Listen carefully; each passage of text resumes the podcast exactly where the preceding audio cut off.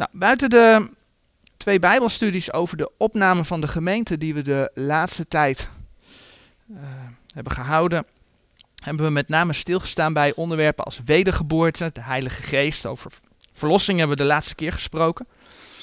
En we hebben gezien dat als mensen het woord horen, tot geloof komen, dat ze door de Heilige Geest verzegeld worden tot de dag der verlossing. We hebben gezien dat de Heilige Geest mensen doopt in het lichaam van de Heer Jezus. Die mensen worden geestelijk besneden. En daardoor, zegt Gods woord, worden ze een nieuw schepsel. Een nieuw schepsel voor God. Die mensen zijn dan levend geworden. En dat is dus eigenlijk wat de Bijbel wedergeboorte noemt. En die wedergeboorte die wordt dus uitgevoerd door de Heilige Geest. Iemand die wederom geboren is, is, verzekerd van zijn of haar behoud. Nou, de laatste keer hebben we bij een ander Bijbelswoord stilgestaan. Dat een ander facet laat zien van wat er met mensen gebeurt wanneer ze tot geloof komen. En dan gaat het om het woord verlossing. We hebben gezien dat als mensen tot geloof komen, dat ze uit de macht van de boze getrokken worden. We hebben gezien dat niemand automatisch een kind van God is. Van nature hebben mensen, zoals de Bijbel laat zien, een andere vader. En die vader is de vijand van de Heere God, de duivel. En die situatie is ontstaan door de zondeval. Maar door het vergrote bloed van de Heer Jezus is de losprijs voor alle mensen in principe betaald. Waardoor mensen uit de macht van de boze bevrijd kunnen worden. En overgezet kunnen worden, zoals de Bijbel dat zegt, in het koninkrijk van de zoon zijner liefde. De Bijbel noemt dat dus verlossing. En wij als wederom geborenen zijn dus verlost. Maar we hebben ook gezien dat er nog een toekomstige verlossing is. En dat is eigenlijk waar wij ook naar uitzien, denk ik. Opname van de gemeente, als we een opstandingslichaam krijgen, dan zijn we verlost van ons zondige lichaam. En dan willen we nog bij een element stilstaan wat ik de vorige keer niet benadrukt heb. Maar wat wel heel mooi is als een ja, soort van conclusie tot zover. Namelijk dat met wat we tot nu toe gezien hebben, dat we zien dat voor wederom geboren kinderen van God eigenlijk de zondeval ongedaan gemaakt is. De mens wordt door de Heere God geschapen, Genesis 2 vers 7, met een lichaam, een geest en een ziel. En de Heere stelde dat die mens zou sterven als hij niet naar de Heere God zou luisteren. Genesis 2 vers 17. Nou, de mens luisterde niet. De menselijke geest stierf. En die dood heeft invloed op ons vlees. Dat laat de Bijbel zien. Ons vlees is zondig. En in het Oude Testament lees je heel vaak dat als iemand zondigde, dat zijn ziel schuldig was. Als voorbeeld zoeken we Numeri op. Numeri 5, vers 6. Genesis, Exodus, Leviticus, Numeri.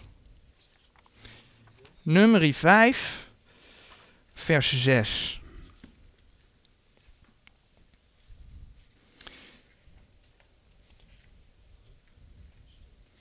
Nummer 5, vers 6.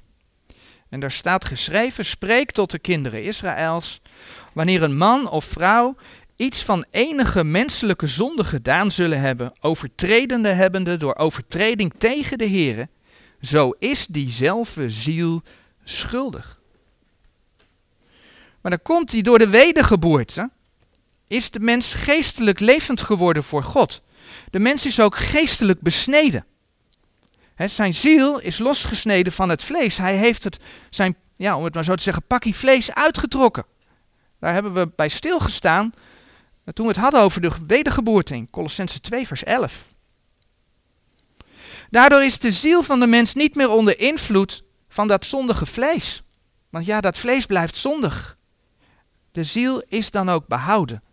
Maar zoals ik al zei, het vlees blijft zondig. Dus zolang wij op aarde zijn, zijn wij als mensen wel onder de zonde, omdat we nog steeds in ons vlees leven. Nou, bij de opname van de gemeente krijgen we een opstandingslichaam. En dan is ook ons nieuwe lichaam niet meer onderhevig aan de zonde. Weliswaar zullen we dan nog voor de rechterstoel van Christus moeten verschijnen, waar onze werken beoordeeld worden, waar alles verbrandt wat niet was tot eer van zijn naam, waar we ook loon en kroon kunnen krijgen. Maar in principe is bij de opname van de gemeente voor ons de zondeval compleet ongedaan gemaakt. Is dat niet geweldig om te zien? Hoe de Heer in zijn woord ja, alles eigenlijk tot in detail uitwerkt. Maar dan zijn er nog een aantal woorden. En ook vandaag gaan we niet compleet zijn. Maar er zijn nog een aantal woorden in Gods woord die weer andere details laten zien over wat er gebeurt als iemand tot geloof komt. En vandaag willen we dan met name stilstaan bij de woorden toerekening, rechtvaardigmaking en verzoening. Maar laten we allereerst een gedeelte uit Gods woord lezen en dan wel uit 2 Korinthe 5. 2 Korinthe 5. En dan vanaf vers 11.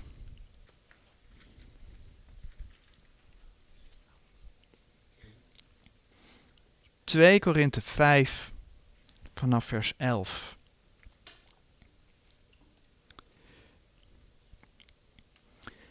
Wij dan, wetende de schrik des Heren, bewegen de mensen tot het geloof en zijn goden openbaar geworden. Doch ik hoop ook in uw conscienties, in uw gewetens, geopenbaard te zijn. Want wij prijzen onszelf u niet wederom aan, maar wij geven u oorzaak van roem over ons, opdat gij stof zoudt hebben tegen degene die in het aangezicht roemen en niet in het hart. Want het zij dat wij uitzinnig zijn, wij zijn het goden. Het zij dat wij gematigd van zinnen zijn, wij zijn het ulieden. Want de liefde van Christus dringt ons. Als die dit oordelen, dat indien één voor alle gestorven is, zij dan alle gestorven zijn. En hij is voor alle gestorven. Opdat degenen die leven, niet meer zichzelf zouden leven, maar dien die voor hen gestorven en opgewekt is. Zo dan, wij kennen van nu aan niemand naar het vlees. En indien wij ook Christus naar het vlees gekend hebben, nochtans kennen wij hem nu niet meer naar het vlees. Zo dan, indien iemand in Christus is, die is een nieuw schepsel. Het oude is voorbij gegaan, zie, het is alles nieuw geworden. En al deze dingen zijn er uit God, die ons met zichzelf verzoend heeft door Jezus Christus en ons de bediening der verzoening gegeven heeft. Want God was in Christus de wereld met zichzelf verzoenende, hun zonde hun niet toerekenende, en heeft het woord der verzoening in ons gelegd. Zo zijn wij dan gezanten van Christus wegen, alsof God door ons baden. Wij bidden van Christus wegen, laat u met God verzoenen. Want dien die geen zonde gekend heeft, heeft hij zonde voor ons gemaakt, opdat wij zouden worden rechtvaardigheid Gods in hem.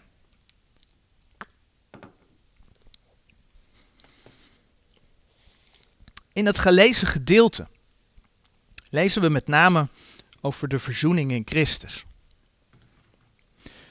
Allereerst lezen we in 2 Korinthe 5 vers 17 ook nog een stukje over de wedergeboorte.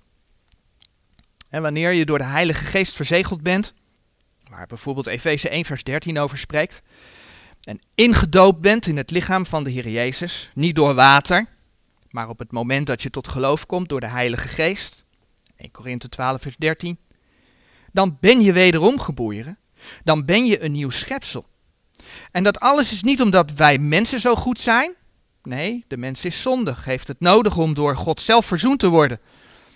Het is alles te danken aan de Heer God, die naar zijn schepsels heeft omgezien. 2 Korinthe 5 vers 18 zegt dan, en al deze dingen zijn uit God, die ons met zichzelf verzoend heeft door Jezus Christus en ons de bediening der verzoening gegeven heeft. Alles is uit Hem. Maar wat we in dit gedeelte zien, is dus dat als je wederom geboren bent, 2 Korinthe 5 vers 17, je ook door Jezus Christus verzoend bent met God. Want vers 18 zegt, die ons met zichzelf verzoend heeft. Dus als je wederom geboren bent, ben je ook verzoend met God. Maar we zien dus dat het opnieuw begint bij Jezus Christus. En dat is ook logisch. Want mensen worden wederom geboren door het horen van het woord. En als we dan denken aan de gemeentetijd, door te geloven in het evangelie der genade Gods, hè, door het volbrachte werk van Jezus Christus voor hun leven aan te nemen. Maar hoe heeft de Heere God die verzoening bewerkt?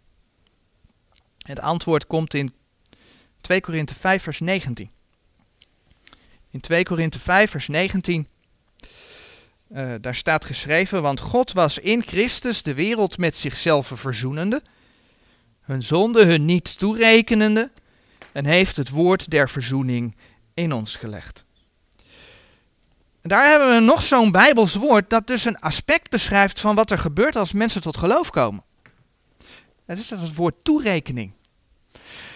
De Heere rekent de zonde in Christus niet toe. In Christus. Maar in Christus is iedereen die wederom geboren is. Dus de wederomgeborene wordt de zonde niet toegerekend. En op die manier verzoent de Heere God zichzelf met de wereld. Maar dat betekent niet dat de hele wereld automatisch behouden wordt. Iets wat door alverzoeners veelal beweerd wordt. Nee, het wordt duidelijk, je moet wel in Christus zijn. En dat laatste blijkt ook uit wat we vanmorgen gelezen hebben uit de context. 2 Korinthe 5 vers 15. Daar staat onder andere geschreven. Indien één voor allen gestorven is. Ja, hier staat dat de Heer Jezus voor allen gestorven is. Dat klopt. En dat is hij ook. Want alle mensen kunnen bij hem komen. De Heer staat open voor iedereen. Maar het tweede deel van het vers zegt wel. En hij is voor allen gestorven. Opdat degenen die leven niet meer zichzelf zouden leven. Maar dien die voor hen gestorven en opgewekt is. Ja, de Heer Jezus is voor allen gestorven. Maar niet iedereen is levend voor God. Blijkbaar moet de mens wel zelf kiezen. De tekst gaat verder met opdat degenen die leven. En alleen de wederomgeborene leeft voor God. De wederomgeborene kan zeggen, hij heeft mij levend gemaakt. Efeze 2 vers 5. Dus opnieuw blijkt eruit, je moet wel in Christus zijn. Nou, de Bijbel laat zien dat de mens een keus heeft. Het is niet voor niets dat we bijvoorbeeld in Johannes 3, vers 36, en de tekst die verschijnt op het scherm lezen. Die in de zoon gelooft, die heeft het eeuwige leven, maar die de zoon ongehoorzaam is, die zal het leven niet zien. Maar de toren Gods blijft op hem. En we gaan hier vandaag niet dieper op in. In het verleden hebben we daar een aantal studies aan besteed en op de site www.bijbelengeloof.com kun je daar het een en ander over nalezen. Wanneer een mens wederom geboren wordt, wordt de zonde dus niet meer aan de mens toegerekend. Maar zijn zonden zijn toegerekend aan de Heer Jezus. Nou, we zagen al 2 Korinthe 5 vers 19 waar dat uh, staat. Maar dat zijn zonden aan de Heer Jezus zijn toegerekend. Dat lezen we ook in 2 Korinthe 5 vers 21. Want in vers 21 lezen we want dien die geen zonde gekend heeft en dien dat slaat terug op de Heer Jezus. Heeft Hij zonde voor ons gemaakt, opdat wij zouden worden rechtvaardigheid Gods in Hem. De Heer Jezus is dus voor ons tot zonde gemaakt. Hij heeft onze zonde in zijn lichaam weggedragen. Een tekst die we ook wel vaker aangehaald hebben is 1 Petrus 2 vers 24. 1 Petrus 2, vers 24. Een tekst die door charismatische vaak gebruikt wordt om lichamelijke genezing te verklaren, of beter gezegd te claimen. Maar in de context gaat het helemaal niet over lichamelijke ziekte zozeer. Het gaat over het uh, verdragen van zwarigheden. De context is, is ook zonde. En dan lees je in 1 Petrus 2, vers 24 die zelf onze zonde in zijn lichaam gedragen heeft op het hout. Opdat wij de zonde afgestorven zijnde der gerechtigheid leven zouden, door wiens striemen gij genezen zijt. De ziekte die door Golgotha genezen is, is de ziekte van de zonde. Waar, volgens de Heere God, dus niet volgens een uh, wereldlijk rechtboek of zo, maar de doodstraf op staat. Vandaar dat 1 Petrus 2 vers 25 ook verder gaat met want gij waart als dwalende schapen, maar gij zijt nu bekeerd tot de herder en opziener uw zielen. Doordat de Heer Jezus onze zonde heeft weggedragen, rekent de Heer ons onze zonde niet meer toe. En een mooi voorbeeld daarvan vinden we in de brief Filemon. De brief Filemon, staat voor Hebreeën, is in feite een aanbevelingsbrief. een vroegere slaaf van Philemon, Onesimus, die is weggelopen, maar is in Rome uh, onder de prediking, de verkondiging van Paulus tot geloof gekomen. Dat kun je lezen in Philemon 1, vers 10 en vers 16.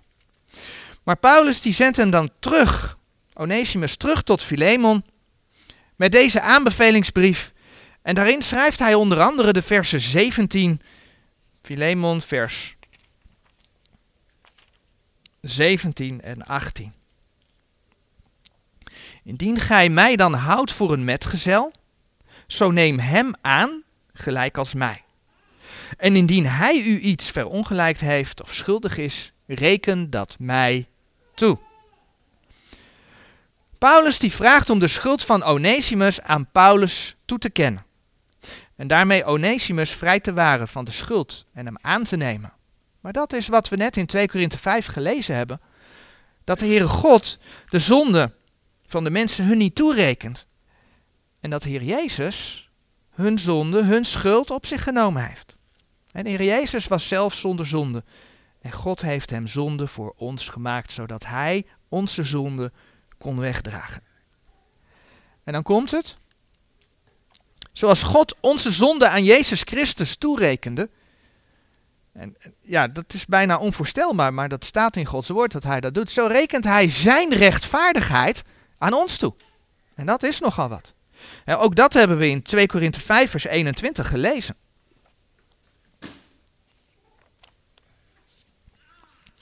...2 Korinthe 5 vers 21. Want dien die geen zonde gekend heeft, heeft hij zonde voor ons gemaakt, opdat wij zouden worden rechtvaardigheid Gods in hem. De Heer Jezus was het lam Gods. Hij was zonder zonde. Gaat terug ook op het, het paascha, het lam dat geslacht moest worden, dat, dat, uh, dat gaaf, dat volkomen moest zijn. Lees je onder andere in Exodus 12 vers 5 en in Johannes 1 vers 29 en 1 Korinthe 5 vers 7. Hij was rechtvaardig. En juist daardoor kon hij onze zonde wegdragen. En de Heere God rekent zijn rechtvaardigheid dus toe aan een ieder die zijn volbrachte werk aanneemt en vertrouwt. Wij zijn dus in Christus gerechtvaardigd. En hier zien we hoe nauw het allemaal samenhangt. Want het is dus door de geestelijke besnijdenis die bij de wedergeboorte plaatsvindt, dat de Heere ons zonder zonde kan zien. Hij heeft onze ziel bevrijd van dat pakje vlees, Colossense 2 vers 11. We hebben ons vlees uitgetrokken geestelijk gezien. Onze ziel staat niet meer onder de invloed van de zonde. Ja, de Heere rekent ons in Christus de zonde niet meer toe. Hij ziet ons gerechtvaardigd aan met zijn eigen rechtvaardigheid. Het klopt allemaal, het is één geheel. Maar daardoor zijn wij als wederom geboren gelovigen dus ook verzoend met God. En dat is wat 2 Korinthe 5, vers 18 en 19 laten zien. Dus hoe we verzoend worden, dat hebben we gezien. Dat heeft met die toerekening te maken. Maar wat houdt verzoening dan precies in? Bij de verlossing hebben we stilgestaan bij het feit dat God ons vrijkocht met zijn bloed. Hij kocht ons vrij van de zonde en van de vader, de duivel. En de verzoening heeft daar ook mee te maken. Door de zondeval zijn alle mensen van nature zonde geworden en daarmee vijanden van God. De relatie tussen God en de mens was weg.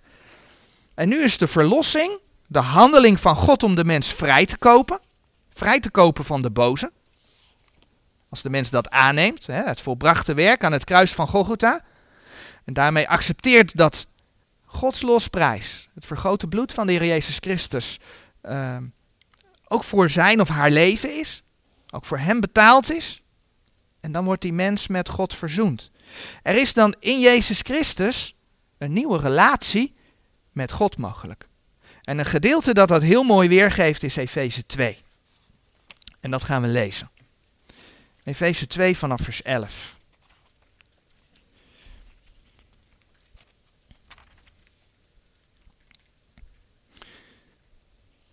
Efeze 2 vanaf vers 11.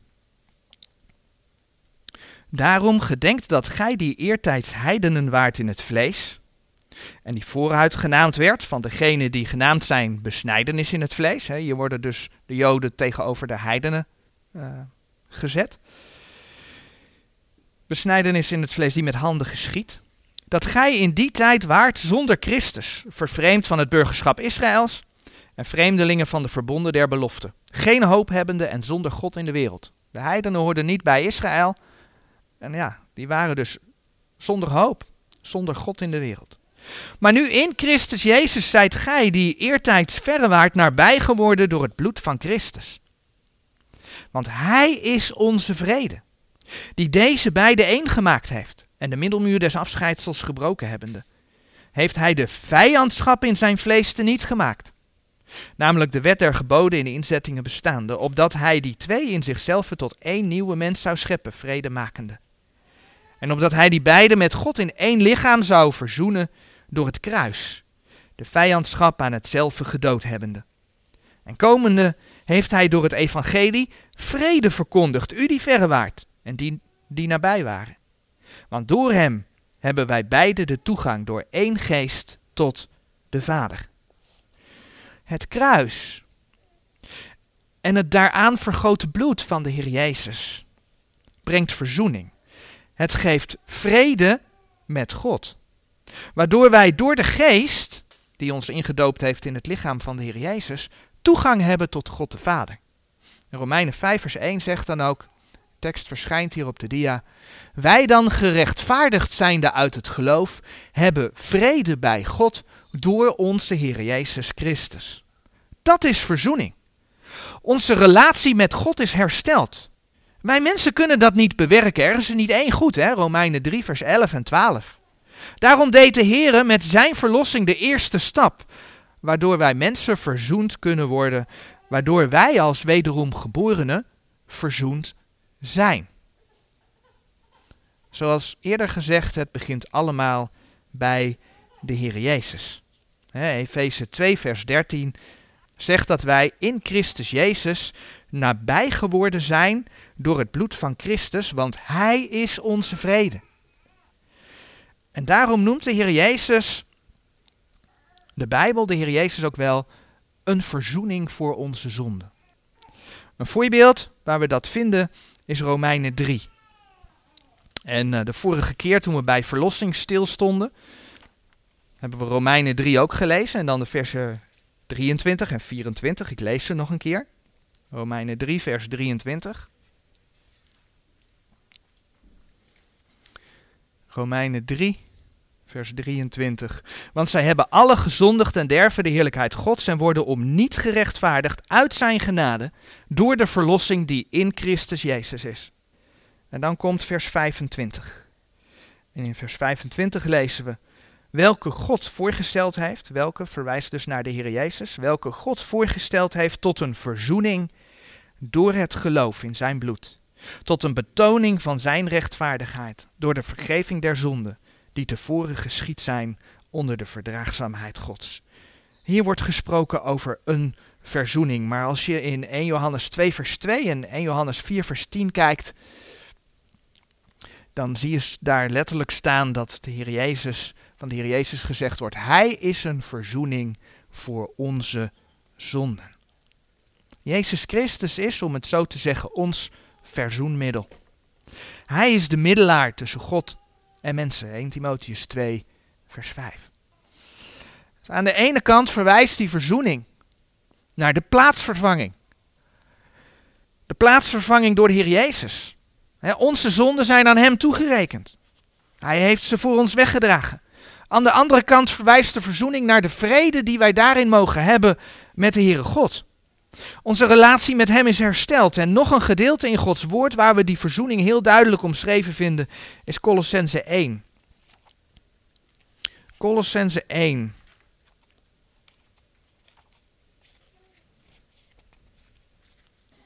Vanaf vers 19.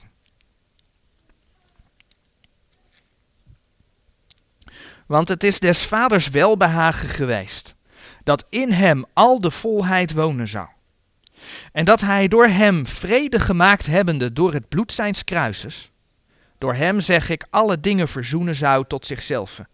Het zij de dingen die op de aarde, het zij de dingen die in de hemelen zijn.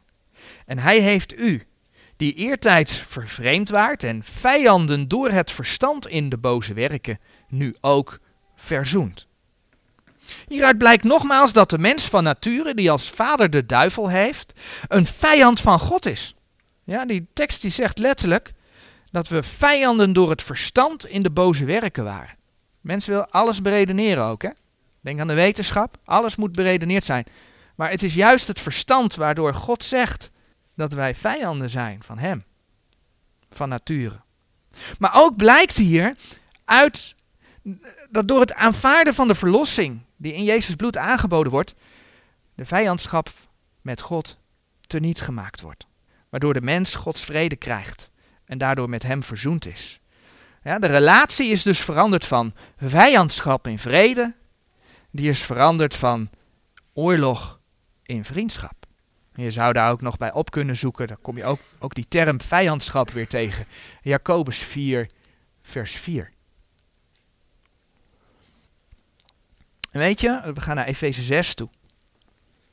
Dit past volledig bij hetgeen Gods woord verder laat zien over bijvoorbeeld de geestelijke wereld. Als je in Efeze 6, vers 12 bijvoorbeeld leest. Efeze 6, vers 12. Daar lezen we. Want wij hebben de strijd niet tegen vlees en bloed,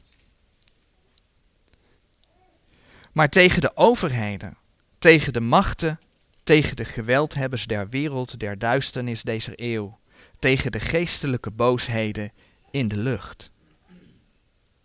Er is dus een strijd gaande. Er is sprake van een geestelijke oorlog. De mens die van nature de duivel als vader heeft, is dan ook bewust of onbewust onderdeel van de legers van de geestelijke boosheden in de lucht. En staat onder de overste van de macht der lucht, Efeze 2, vers 2. Er is dus een letterlijke vijandschap met God. Dus waarom keert de mensheid zich steeds verder af van God? Nou, dat antwoord, de oorzaak daarvan, hebben we eigenlijk zojuist genoemd. Echter, wanneer iemand tot geloof komt, dan is er een verzoening opgetreden. Een verzoening met God. En dan, ja, zegt de Bijbel, dan behoor je tot de kinderen van het licht. 1 Thessalonicense 5 vers 5 bijvoorbeeld. En die kinderen van het licht, die vormen ook een geestelijk leger. Het is niet voor niets dat Romeinen 13 vers 12 dat Romeinen 13 vers 12 bijvoorbeeld zegt: De nacht is voorbij gegaan en de dag is nabijgekomen. Laat ons dan afleggen de werken der duisternis en aandoen de wapenen des lichts. En daarom, en dan komen we terug bij Efeze 6. Daarom lezen we in Efeze 6 vers 10 tot en met 20 over de geestelijke wapenrusting. Want de Heere geeft zijn kinderen bescherming in de strijd. We gaan er nu niet uitgebreid op in, maar een deel van die bescherming, Efeze 6, vers 17, is het zwaard des geestes. En wat is het zwaard des geestes? Het zwaard des geestes is het woord van God. Ik lees vers 17 even voor. En neem de helm der zaligheid en het zwaard des geestes, het welk is Gods woord. Daarom snap je ook waarom de vijand erop gericht is om mensen Gods woord afhandig te maken. Als mensen dat woord niet meer hebben, dan missen ze een deel van de wapenrusting. Een ander onderdeel van die wapenrusting is het gebed. Efeze 6, vers 18.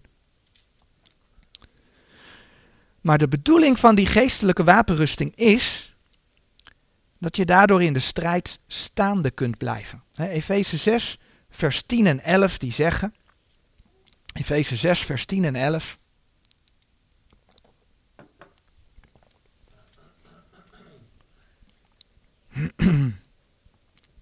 doet aan de gehele wapenrusting Gods, opdat gij kunt staan tegen de listige omleidingen des duivels. Laat ik even beginnen bij vers 10. Voorts, mijn broeders, wordt krachtig in de Heer en in de sterkte zijner macht. Doet aan de gehele wapenrusting Gods, opdat gij kunt staan tegen de listige omleidingen des duivels. Dit alles verklaart dus dat we weliswaar vrede hebben met God, maar dat we in vijandschap komen te leven met de machten van die geestelijke boosheden in de lucht. Heb je dat wel eens gemerkt? Dat de wereld vijandig is naar je als je laat blijken dat je Gods woord gelooft. Als je laat blijken dat Jezus Christus de weg naar de Vader is. Het is een logisch gevolg van de geestelijke strijd. Maar het is beter om met die club van de geestelijke boosheden in de lucht in onvrede te leven, dan in onvrede te leven met God. De vrede met God geeft dat heerlijke vooruitzicht van het eeuwige leven met de Heer Jezus Christus.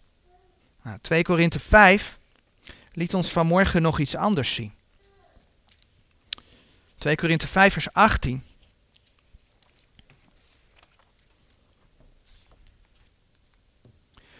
...2 Korinthe 5 vers 18... ...zegt... ...en al deze dingen zijn uit God... ...die ons met zichzelf verzoend heeft door Jezus Christus... ...en ons de bediening der verzoening gegeven heeft. Wij, wij allemaal, als wederom geborenen, hebben, zegt Gods woord, dus een bediening gekregen. De bediening der verzoening. En wat houdt dat in? Nou, vers 19. Want God was in Christus de wereld met zichzelf verzoenende, hun zonde hun niet toerekenen en hij heeft het woord der verzoening in ons gelegd. Hij heeft het woord der verzoening in ons gelegd. En dan vers 20. Zo zijn wij dan gezanten van Christus wegen, alsof God door ons baden. Wij bidden van Christus wegen. Laat u met God verzoenen. Dat is de bediening die de wederom geboren gelovigen gekregen hebben. Dat is onze bediening om mensen toe te roepen: laat u met God verzoenen. Of met andere woorden, neem de verlossing die God in Christus aanbiedt aan. Of je moet opnieuw geboren worden. En wanneer wij mensen confronteren met die boodschap van de Bijbel, dan staan we letterlijk in die strijd. En dan zegt Romeinen 6, vers 13. De tekst verschijnt op de dia. En stelt uw leden niet der zonde tot wapenen der ongerechtigheid, maar stelt u zelf goden als uit de doden levend geworden zijnde, en stelt uw leden goden tot wapenen der gerechtigheid. De Heer wil graag dat we onze leden, dat we ons lichaam inzetten voor zijn gerechtigheid. We hadden het al even over de wapenrusting, waarvan we gelezen hebben dat we die geheel moeten aandoen. Efeze 6, vers 11. Dat we die wapenrusting geheel moeten aandoen. Een ander onderdeel van die wapenrusting heeft te maken met de voeten. Als je in Efeze 6, vers 15 kijkt. Efeze 6, vers 15. Dan lezen we daar. En de voeten geschoeid hebbende met bereidheid van het evangelie des vredes. De boodschap van het evangelie der genade Gods is een boodschap des vredes. Nee, niet een boodschap van we moeten de wereldvrede bereiken via de Verenigde Naties. Maar een boodschap van Gods vrede. God wil verzoening met de mens. De mens zal het wel moeten aannemen. Dus een boodschap om zich in Christus te laten verzoenen met God. Dat ze in de Heer Jezus die vrede kunnen krijgen met God. En daar wil de Heer zijn kinderen voor gebruiken. Want wij zijn immers, hè, 2 Korinthe 5 vers 20, gezanten van Christus wegen. Alsof God door ons baden. En die gezanten die roepen dan, wij bidden van Christus wegen, laat u met God verzoenen. wij allen hebben dus een opdracht van de Heere God. Wij allen als wederom geboren gelovigen zijn gezonden om mensen de boodschap van Gods redding te verkondigen. Wij allen hebben die beziening der verzoening. Maar maken wij daar ook gebruik van? En ieder in zijn eigen omgeving, in de familie, bij de buren, in de werkkring? Bidden we ervoor dat we kansen krijgen? En pakken we die kansen dan ook om mensen met Gods woord in aanraking te brengen? Of ga eens mee met een actie van bijvoorbeeld een straatpreektour, die er bijvoorbeeld de komende week zal zijn. En weet je, soms is dat helemaal niet makkelijk. Echt niet. Soms voel je de vijandigheid. Merk je gewoon. Maar de Heere vraagt ons om zijn woord te verspreiden. Want uit zichzelf zullen mensen dat woord van God meestal niet pakken.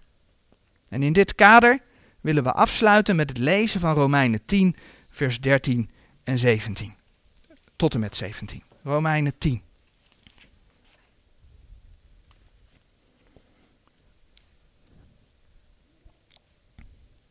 Romeinen 10 vanaf vers 13. Want een iegelijk die de naam des Heren zal aanroepen, zal zalig worden. Hoe zullen zij dan hem aanroepen, in welke zij niet geloofd hebben? En hoe zullen zij in hem geloven, van welke zij niet gehoord hebben? En hoe zullen zij horen, zonder die hun predikt? En hoe zullen zij prediken, indien zij niet gezonden worden? Gelijk geschreven is, hoe liefelijk zijn de voeten dergenen die vrede verkondigen, dergenen die het goede verkondigen. Doch, zij zijn niet alle het evangelie gehoorzaam geweest. Want Jezaja zegt, Heere, wie heeft onze prediking geloofd? Zo is dan het geloof uit het gehoor. En het gehoor door het woord Gods. Tot zover voor vandaag.